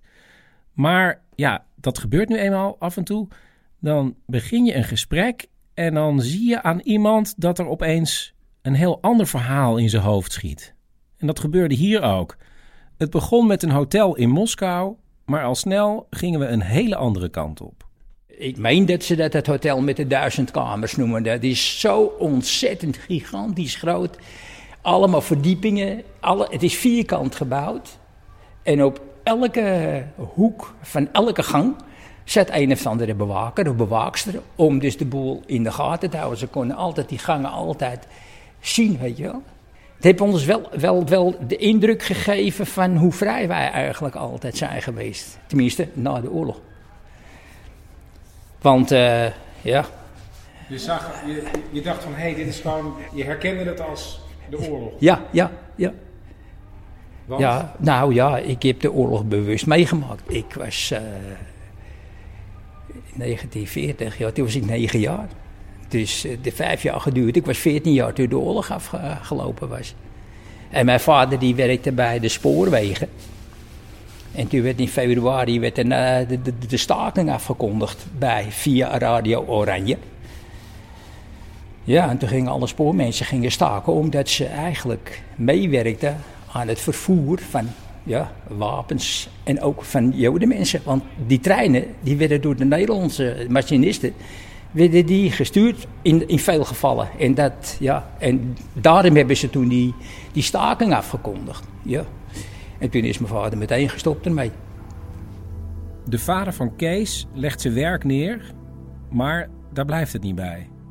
Uh, het was zo dat tijdens de spoorwegstaking was de, de chef, die was min of meer bij ons thuis ondergedoken. Omdat hij in zijn eigen huis niet kon wonen, want het was geannexeerd door de Duitsers. Nou, hij is schijnbaar verlinkt geworden. Nou ja, toen kwamen ze, de Duitsers aan de deur. Je kent het met het, het slaan op de deur, weet je wel. Uh, nou ja, dat wordt er open gedaan. Nou, toen zaten mijn vader en meneer, hoe heet nou? Meneer Tai, zo heette die man. Die, die, die spoorchef. Ja, die zaten aan de tafel. En toen vroeg die Duitser eerst uh, aan meneer Tai... Zijn er nog meer mensen? Nou, nee, zegt meneer Tai. En toen kreeg hij gelijk een, een, een klap voor zijn. Niet te kort. Nou, je, dat, dat, dat blijf je gewoon je leven lang bij. Dat zag jij? Ja. En toen vroeg hij aan mijn vader ook, zijn er nog meer uh, mensen? Nou, mijn vader zei ook nee, en die kreeg gelukkig geen klap. Dat vond ik raar. Maar ja goed, ze werden alle twee opgepakt. En sinds die tijd, tot de dag van de bevrijding, heb ik mijn vader daar nooit meer gezien. En die meneer Tai, die was weer heel gauw vrij. En mijn vader heeft dus tot de dag van de bevrijding op, in kamp Amersfoort gezeten. Want op de dag van de bevrijding ging ik met mijn vriendje Amsterdam-Oost in. En ik zie zo uh, mijn oma aankomen op een fiets. En er zat een touw tussen die fiets en er zat een fiets achter. En daar zat mijn vader op, want die was... Ja, die had hongerudijn, die, had, die was helemaal onder de voet. Die, uh, Rode Kruis heeft hem nog ineens naar huis gebracht. Dus die is uit zijn eigen beweging, is hij vanaf Amersfoort, is hij thuisgekomen. Voortgesleept door je oom? Door zijn eigen broer, ja. Ja, maar die was niks meer waard. Nee, dat was, dat was, is ook een later een, een, een, een, cynisch mens geworden, mijn vader. Ja, dat, dat is niet goed. Maar wat was het cynische dan? Nou ja, dat hij dus geen vertrouwen meer had in de mensen. Omdat natuurlijk, ja, hij was natuurlijk ook dat hij dus mensen in huis neemt als onderduiker. En waar hij van denkt, die moet ik redden. En dat hij dan, zeg maar, opgepakt wordt. En de man die die wil redden, die loopt binnen de kortst mogelijke tijd weer vrij rond. En hij heeft tot, nou ja, wat ik zeg, tot aan het einde van de, van, van de oorlog in, de, in, het concentratiekamp gezeten. En dat, uh, ja, dat heeft hem natuurlijk zeer veel pijn gedaan. Dat was jammer. Dat was altijd een hele lieve, fijne kerel, Jan. En je moet weten, het is nog ineens mijn eigen vader. Ik heb mijn eigen vader nooit gekend. En het is mijn, eigenlijk mijn tweede vader. Pas op zijn twaalfde, toen hij naar de ambachtschool ging, ontdekte Kees dat hij een andere achternaam had. En dan moest uh, Kees Lissenberg werd geroepen. Nou, ik bleef zitten, want ik was Kees Pauw. Dus ik zei, nee, dat ben ik niet. Nou, zegt die meester toen daar, hij zei, ja, dat ben je wel, want kijk maar naar je geboortedatum. Dat is, ja, nou, ik heet Kees Pauw. Toen merkte ik pas dat ik een andere vader had gehad. Dat wist je helemaal niet. Nee. Ik was baby toen, eh, toen, toen mijn eigen vader eh, er niet meer was. Dus mijn vader, dat weet ik niet. Daar heeft mijn moeder ook nooit over gesproken. Je weet niet waarom hij niet meer was. Nee, nee, nee. Dus eh, die, ja, dat ging niet schijnbaar. Nee, Weet je, en toen was het ook niet een tijd. Tegenwoordig zou je zeggen van. Ja, wat is er gebeurd? Wat is er aan de hand? Dat zou ik wel eens willen weten. Ja, vroeger had je de moed niet om erover te beginnen, want het was taboe. Daar begon je niet over. Je weet niet waarom je vader weg is gegaan. Nee, nee, dat weet ik niet. Dat weet ik nog steeds niet. Het enige wat hij na zijn twaalfde wist, was dat zijn broer Leen eigenlijk zijn halfbroer was, omdat zijn moeder na hem nog een zoon had gekregen, maar nu bij een meneer Pauw. Prachtmens, echt wel. Want tussen mijn broer en mij heb ik nooit enig verschil kunnen vinden van... dat is je eigen zoon en ik ben mijn halve zoon. Hij is altijd zo lief geweest voor ons. Ja, hij, maar hij was gewoon door de gang van zaken, wat hij allemaal had meegemaakt en wat hij heeft ervaren daar in dat kamp Amersfoort. Ja, daar heb, ik wel eens aan hem gezegd, "God, pa, misschien kan het je helpen, maar ik zou wel eens willen weten wat je allemaal hebt meegemaakt. Nou ja, dan be- begint hij een paar dingen en dan stokt het en dan gaat hij niet meer verder. Misschien hebben ze daar in dat kamp hem ook wel eens mishandeld. Heb je nooit over gesproken? Zijn tweede vader deed alles voor Kees en zijn stiefbroer Leen. Ik wou op mijn, want ik kan nagaan, na de oorlog wou ik eh, accordeon spelen. Dat was toen in de mode. En eh, nou binnen de kortste mogelijke tijd van zijn armoedje had hij van mij een accordeon eh, op de kop getikt hoor.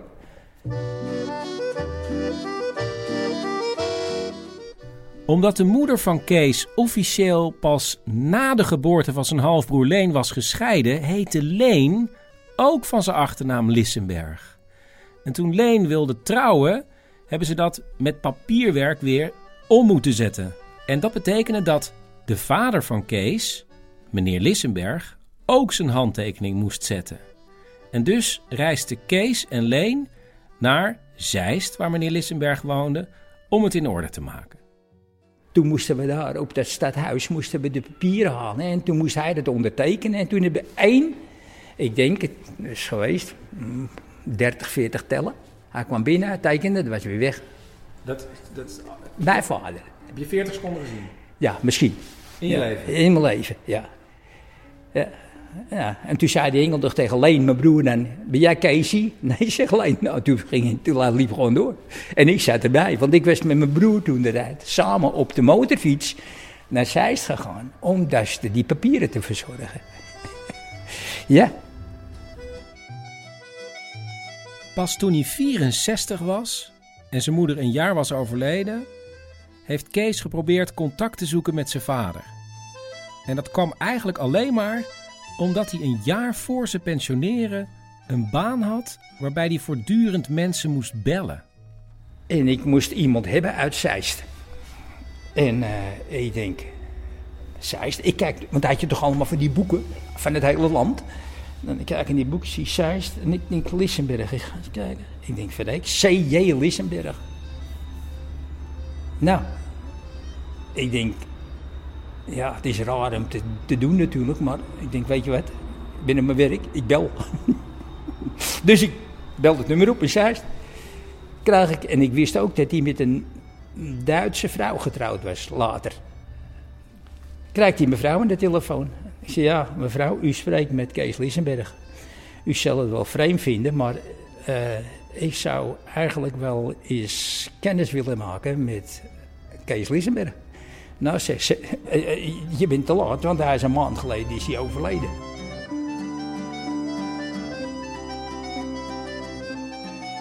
Maar dat is niet zo heel erg geweest hoor. Want mijn, mijn zogenaamde tweede vader is altijd een vader voor me geweest. Een echte vader. Maar hoe denk je nu aan hem terug? Oh, nou, elke dag. ja, er gaat geen moment voorbij. Of eh, helemaal niet. Want ik speel nog steeds accordeon. Dat doe ik ook nog steeds. Want die, dat ding neem ik altijd mee naar de wijze zij ook. En dan ga ik daar de mensen een beetje vermaken. Ja, en trouwens hier in de kantine ook. Na afloop van de seizoenen vragen ze ook altijd of ik dat ding naar meeneem om hier even de avond een beetje gezellig op te luisteren en zo.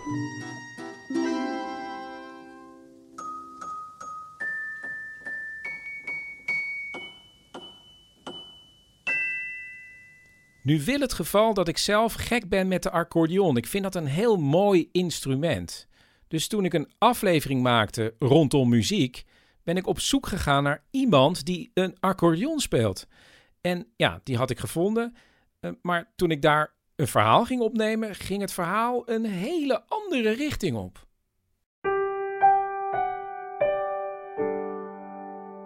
Onder het kleine station zit een muziekschooltje. En daar wordt onder andere lesgegeven in accordeon. En toen dacht ik, ja, misschien moet ik dan die leraar gaan spreken. En dat heb ik gedaan. En dat is eh, Bas, een al wat oudere meneer. En ja, en hoe gaat dat dan? Dat, tenminste, dat vragen mensen wel eens. Ja, ik ga gewoon bij iemand langs. Dan eh, raak ik in gesprek, naar aanleiding van muziek in dit geval. En dan opeens, dat hoor je hier, tijdens het gesprek... Nu komt het waarschijnlijk. Wat- hoe is dat gekomen? heb ik iets te pakken. En dan gaan we daarop door. En dan pluis ik dat uit. En meestal ga ik dan ook nog een keer terug. En dit is dan het verhaal, getiteld Roemeense liefde. Dit verhaal begint begin jaren 70, wanneer Bas eindexamenkandidaat is en verslingerd raakt aan Bulgaarse en Roemeense volksdansmuziek. En zo begint het. Eh, dat kwam via de Vondelparkfeesten. In, in mijn eindexamenjaar heb ik, ben ik daar geloof ik voor het eerst naartoe gegaan. In de, in de zomer waren daar eh, optredens in het Vondelpark waar je gratis, open lucht. En dan waren er allerlei buitenlandse ensembles met eh, muziek en dans. En ik was heel erg weg van de, de Roemeense en Bulgaarse eh, optredens. Ik ben dat programma in de gaten blijven houden. En alles wat daarna kwam aan Pools en zo, dat was al- allemaal veel minder. Het moest echt dat Roemeens of Bulgaars zijn. Dus dat waren ook mijn eerste grammofoonplaten. En eh Roemeens, je had die, die eh, beroemde panfluitist, George Zamfir. Dus daar... eh, Bulgaars en Ik heb trouwens vroeger panfluit gespeeld, hè? Over, Oh. George Samvier gespeeld. ja, oh. ook les gehad. Ja, van een Roemeen. Oh. Ik sloeg dus ook heel erg aan op die panfluitmuziek van George Samvier, die ze Hmm. ook gebruikten in Hoog Katerijnen om de junks rustig te houden. Hm. En dan een doina zeker, want dat is eh, geen, geen jok de dooi.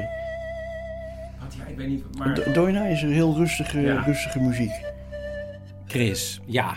Ik, ja, ik denk toch dat je even heel kort moet vertellen over jou. En ja, je bent ook een beetje dus nu de man met de panfluit. Ja, leg uit. Nou ja, ehm, het schijnt, en ik kan het me ook wel een beetje herinneren hoor, dat ik als klein kind urenlang kon luisteren naar een bandje van George Samvier met dit soort muziek. En toen dacht mijn moeder, misschien is dit wel een muziekinstrument voor hem. Dus ze zei, Christian, en wil jij misschien op panfluitles? En allereerst kon ik me dat bandje niet meer herinneren, dus ik wist niet precies waar ze het over had. Bovendien verstond ik palmfluit. Dus ik dacht, het is iets met een palmboom. Dus toen ik voor de allereerste keer naar panfluitles ging, wist ik helemaal niet wat voor instrument er zou verschijnen achter de deur waar we aanbelden. Ah, dat een beetje? Ja, nou, eh, ja, heel goed. En wat heb je eraan overgehouden? Oh ja, nou ja, het enige is dat ik dus heel goed op colaflesjes in een café kan panfluiten. Oké, nou, laat maar even horen. En dan lager, hè? Oké. Ja, en bedankt. Oh, want we gaan weer verder met het verhaal van Bas. Oké. Nadat de 19-jarige Bas kennis had gemaakt met de Roemeense en Bulgaarse volksdansmuziek, gaat het heel snel.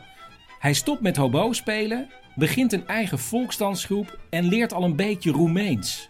En wanneer zijn ouders dat ontdekken, nemen zij mee op vakantie naar Roemenië om te wandelen. En dan is daar die bewuste wandeldag met dat groepje van vier. Op die eh, berghelling in een bos op weg naar boven. Mijn ouders waren al teruggegaan, want die vond, en, ik wilde nog een stukje verder. En ik zag dat groepje van vier mensen daar op het pad. Eh, drie drie eh, jonge vrouwen of meisjes en één wat dikker kabouterachtig mannetje. En zij stond met de rug naar me toe, midden op het pad. En draaide zich om toen ik vlak achter haar was. En ik, ja, ik was onmiddellijk getroffen van, van Jezus, wat, wat, wat een knappe. Wat mooi, hè? En dat is Lucia. Eh, nou ja, eh, donker, eh, zwart, lang zwart haar en een, een, een beetje eh, eh, driehoekig gezichtje. Het viertal heeft een transistorradiootje bij zich waar muziek uitklinkt. En als Bas passeert, herkent hij het nummer en raakt met ze in gesprek. Ik wist de naam van de zangeres. Dus dat, ik geloof dat het Maria Butaccio was of zo.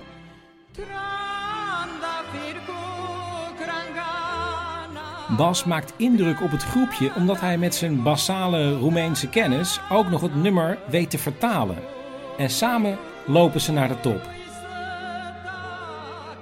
Er was, een, ja, er was een gebouwtje daar op de top van die berg en een ezeltje, weet ik nog. Maar ook zo'n eh, zo'n houten eh, schragentafel. En zij pakte van alles uit wat ze in hun rugzak hadden. En ik moest vooral mee eten. Ik werd steeds aangespoord. En maninke, maninke, eet, eet. en eh, en toen heb ik, eh, op een gegeven moment ben ik bij haar neergeknield en heb ik ge- gevraagd, mag ik je een keer omhelzen? Want ik dacht, eh, dat, dat geen één meisje wil dat van, met mij, maar als ik het eh, netjes vraag, dan, dan staan ze het misschien toe. Want ik denk, ik denk, dat vindt een meisje niet leuk, maar misschien eh, denkt ze, ach nou ja, we zien elkaar nooit meer en wat, wat kan het voor kwaad? Maar het mocht. Eh, het mocht en eh, ze is dus meegelopen samen met een zus. Maar die zus die was zo eh taksvol om bij de bosrand rechtsomkeer te maken. Dus wij zijn in het donker, in het halve donker, ja donker was, was, was het al zo'n beetje, wat verder die bergen afgedaald. En hebben toen even een klein vrijpartijtje gehad daar in het natte gebladerte. Dus dat was inderdaad een kus, dat, waar ik ook niet op gerekend had. En dat was de allereerste keer eigenlijk. En dat was de allereerste keer. Tussen ons, maar ook voor mij. Op, op zo'n manier had ik nog nooit een meisje aangeraakt. De volgende dag ontmoeten ze elkaar weer, maar dan bij de ouders van Lucia. En ze geeft hem een boek vol poëzie cadeau. En eenmaal weer thuis in Nederland schrijft hij haar een brief. En tot zijn grote vreugde stuurt ze er een terug. In de eerste brief die ik van haar kreeg, liet ze al merken dat het heel bijzonder voor haar was om een brief van mij te gekregen te hebben. Eh, Als een kostbaar kleinoot bij zich gehouden en eh, met opzet nog niet opengemaakt en zo, zoiets. Schreef ze de allereerste keer. Er volgen nog vele brieven en langzamerhand ontstaat het idee om elkaar weer te ontmoeten. Maar Lucia kan natuurlijk niet onder het regime van Ceausescu Roemenië uit. En dus moet hij naar haar toe komen. En dat kan, want zijn ouders gaan weer op vakantie naar Roemenië en zetten Bas af in het dorpje van Lucia om hem twee weken later weer op te komen halen. En eigenlijk mag je ook niet logeren bij iemand, maar omdat de vader van Lucia een vooraanstaand persoon is in het dorp, wordt het door iedereen door de vingers gezien. Enige vervelende is dat Lucia in de weken voor het bezoek is opgeroepen voor militaire dienst en iedere ochtend heel vroeg naar de stad Sibiu moet afreizen en pas laat in de middag weer thuis is. Ik ging elke keer naar het station ging ik ophalen en zo. Aan het eind van de middag. En dan, en dan liepen we naar huis. eh, misschien wel eens hand in hand, misschien ook niet. En dan was zij back af. En de eerste dagen zat ze dus dat, eh, dat militaire kostuum te verstellen, omdat dat veel te groot voor haar was. En latere dagen zat ze, eh, zat ze voor de tv, eh, waar je de boertjes en boerinnetjes met hun volksdansen zag. Want het was een en al folklore op die televisie. En ja, dat vond ik toch niet zo leuk, want daar was ik niet voor gekomen. Maar waarom deed ze dat dan? Maar ja, ze was moe, ging ook vroeg naar bed. soms zonder, zonder mij een teken te geven dat ze verdwenen was. Maar zei ze nog sorry of? Nee, nee. En dus zat Bas overdag zonder haar op de boerderij. eh, God, ik, ik, ja, ik stond op en ik zat dan 's ochtends eh, op, op dat erf zat ik mijn grammatica, mijn Russische grammatica te leren, die ik bij me had voor de zekerheid en waarvan ik gehoopt had dat ik er niet aan toe zou komen, maar ik deed eigenlijk niks anders daar. Eh, Ik, ik maakte mee hoe dat, eh, dat vrouwtje, eh, die moeder van haar, eh, zo'n gebogen hoofddoekvrouwtje, hoe die eh, met een kip eh, achter de schuur verdween en dan luid gekakel en, en wat veertjes die in het rond vlogen. En even later, dan, een uurtje later, was de soep voor mij klaar met eh, vetoogjes en zo. Hè. De, de chorba, de kippen, kippensoep. Ja, dat, dat stelde ze me in het vooruitzicht. In het weekend zouden we een wandeling gaan maken. Maar dat bleek toen een groepswandeling te zijn met een heel stel jongelui. Dus dat was ook weer niet erg romantisch. En na een dag of wat eh, besloot ze maar helemaal naar Sibiu te gaan. Want eh, dat, dat heen en weer reizen was zo eh, belastend. Maar een heel streng iemand zou zeggen dat ze je dan niet zo leuk meer vond. Nou ja, zij zelf hield vol van wel. Maar als er niet heel... En- en af en toe- echt enige affectie is... af, en toe, ja, ja, af en toe kreeg ik daar wel tekenen van ook. Of een, teken van affectie. Ja. Maar Wat is een teken van affectie? Nou, dat ze eh, s ochtends heel vroeg, eh, eh, dat is om vijf uur s ochtends, even mijn kamer binnenkomt en me eventjes een knuffel geeft voor ze weggaat. Dat is één keer gebeurd. Terwijl ik, Ja, terwijl? ja, terwijl ik, nou ja, de, de rest van de dag aan ver- verder dan alleen moest zien door te brengen weer. Nou, het, eh, het eindigde ermee dat, we, dat er nog iets was waar ik hoop op had. We, zouden dan toch nog met z'n tweeën een, een wandeling maken. Eh, maar dan moest ik ergens bij een rivier in een, in een tentje wat ik had op haar wachten. Maar, dus toen heb ik ook eindeloos zitten wachten. En het was heel slecht weer, het was, het was regen. En ik eh, ja, steeds mijn hoop en er, kwam niemand. En, toen, en wat bleek toen? Dat Lucia had gedacht van... Nou, hij begrijpt wel dat het niet doorgaat met die regen. Dus hij was niet gekomen. Degene die uiteindelijk komen zijn zijn ouders. Want de vakantie is voorbij. En die avond zien ze Lucia nog wel in de stad. Maar dan reizen ze weer door naar Nederland. En het gekke is, dan pakken ze hun briefwisseling weer op. En dan is hij weer net zo romantisch als daarvoor. En dan, in de loop van het jaar, krijgt hij een paar brieven met de volgende strekking. Eh, nou, ze, ze kreeg kennis aan een, aan een knul daar die, die wel wat in haar zag. Dus eh, tot dan toe was het gewoon Romeo en Julia geweest en de rest van de wereld bestond niet. Had ik het idee, of dat waar is, weet ik niet. Maar eh, op een gegeven moment kwam toch de aap uit de mouw dat ze getrouwd was. En dat was een ceremonietje van niks waar ze bijna meteen spijt van had. Maar toen zat ze aan hem vast. Al snel stuurt ze brieven hoe ongelukkig haar huwelijk is. En ze dringt er bij Bas op aan dat hij bij haar langskomt. Nou, dat was natuurlijk eh, balsem op mijn eh, eh, jonge gekwetste ziel. Want in Nederland liep, liep ik het ene blauwtje naar het ander. En dus schrijft hij haar dat hij naar haar toe komt. En hoewel hij geen geld heeft, verzint hij toch een plan om de reis te bekostigen.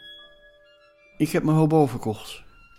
Na een lange reis vol vertragingen komt Bas aan bij de woning in de stad waar ze nu woont. En eh, nou, de- er werd na mijn ge- geklop en gebel werd er uiteindelijk open gedaan, midden in de nacht.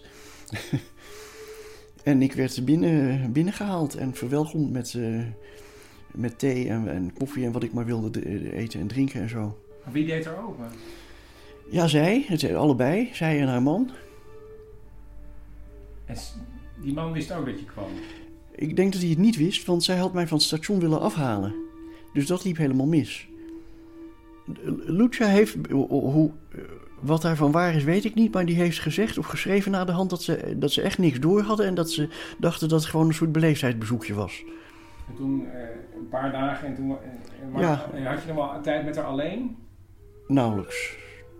En er gebeurde ook weer niks. Nee, nee. Geen kus nog eraf. Nou, dat nog wel, maar meer, meer niet. En toen, na een paar dagen? Of, Ja, een dag of, eh, dag of acht, geloof ik, eh, ruim een week, heb ik het eruit gehouden. En toen weer de trein terug. Ja, van dit wordt niks. Wanneer is het afgelopen, eigenlijk het contact? Nou, het is een beetje als een nachtkaars uitgegaan uiteindelijk, maar... eh, na, Na, na een paar jaar? Of zo? nee, na een paar decennia.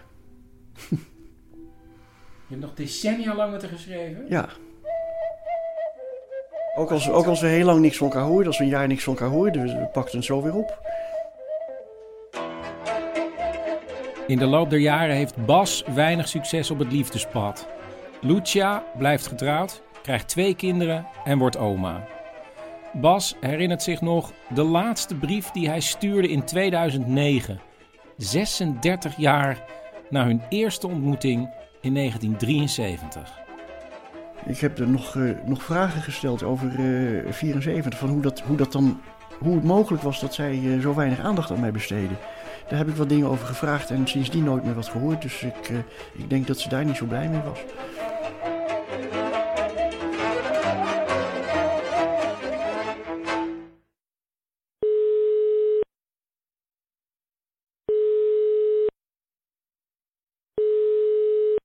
Chris, met Leopold. Gelukkig nieuwjaar. Gelukkig nieuwjaar. Dat op. Eh, zou kunnen dat ik het nummer heb. Dat is heel bizar. Nou, we kunnen straks even naar je toe komen. Helene. Nee, ik durf niet. Ik wil dit nummer geloof ik nooit meer horen. Als het het is. Ik wil het horen, Chris Kop. Ik zal nog even zeggen, het is dus Marijtje, die heeft gewerkt bij die platenzaak. Ja. En die heeft een collega gevonden en ze hebben op drie dingen gelet. Het moet voor 1991 gemaakt zijn, het Ja. liefst vlak daarvoor. Dat is dit nummer. Ja. Het, eh, het moet behoorlijk heftig zijn. Ja. Dat is dit nummer. Ja. En het nummer heet Here We Go Again. Niet waar. Nou, we gaan Ik vind het echt gewoon een beetje spannend. Het is, dit is ook het einde van een, van een, van een mysterie. Als dit het nummer is, dit het nummer dan is het is. verhaal afgelopen. Dat is ook wel Nou, goed. Dat is ook wel goed, hoef je het ook nooit meer te vertellen. Kom maar.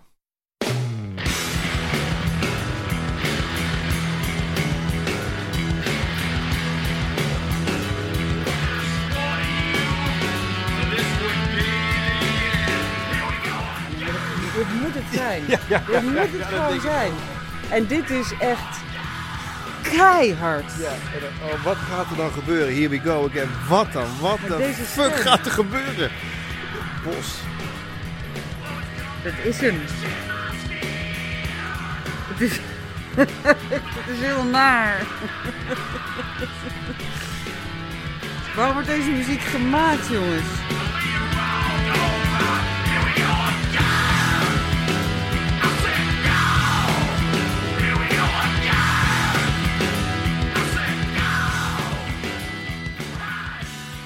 Ik was echt, ik lag weer in dat tentje. Ga je het ooit nog een keer luisteren? Nee. Leopold, ik Nee, ga het nee, nee, nooit nee, nee, meer nee, nee. luisteren. Nee, Jij gaat het ook nooit voor mij opzetten. Nee, ook niet s'nachts. Nee. Ik wil ook niet dat je het ons opstuurt, Chris. Nee, ik wil dit gewoon niet meer. Dit is klaar. Dit is nu een afgerond eh, verhaal. Ja.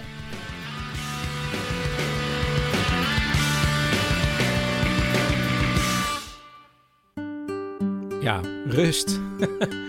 Eh, dit was de speciale selectie aflevering 2. Er komt natuurlijk ook nog 3, 4, 5. Mocht je nou het boekje Hoe maak ik een podcast willen hebben, dan kan je 12,50 of meer doneren via de doneerknop. Allemaal te vinden in de show notes. Als je 20 euro doneert, krijg je ook nog de gids erbij cadeau. En vergeet niet, wil je jezelf trakteren of een ander op een avondje uit?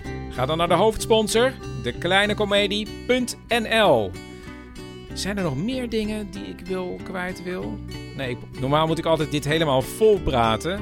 Ja, maar dat is nu niet echt nodig. Maar ja, toch net gered. Tot volgende keer.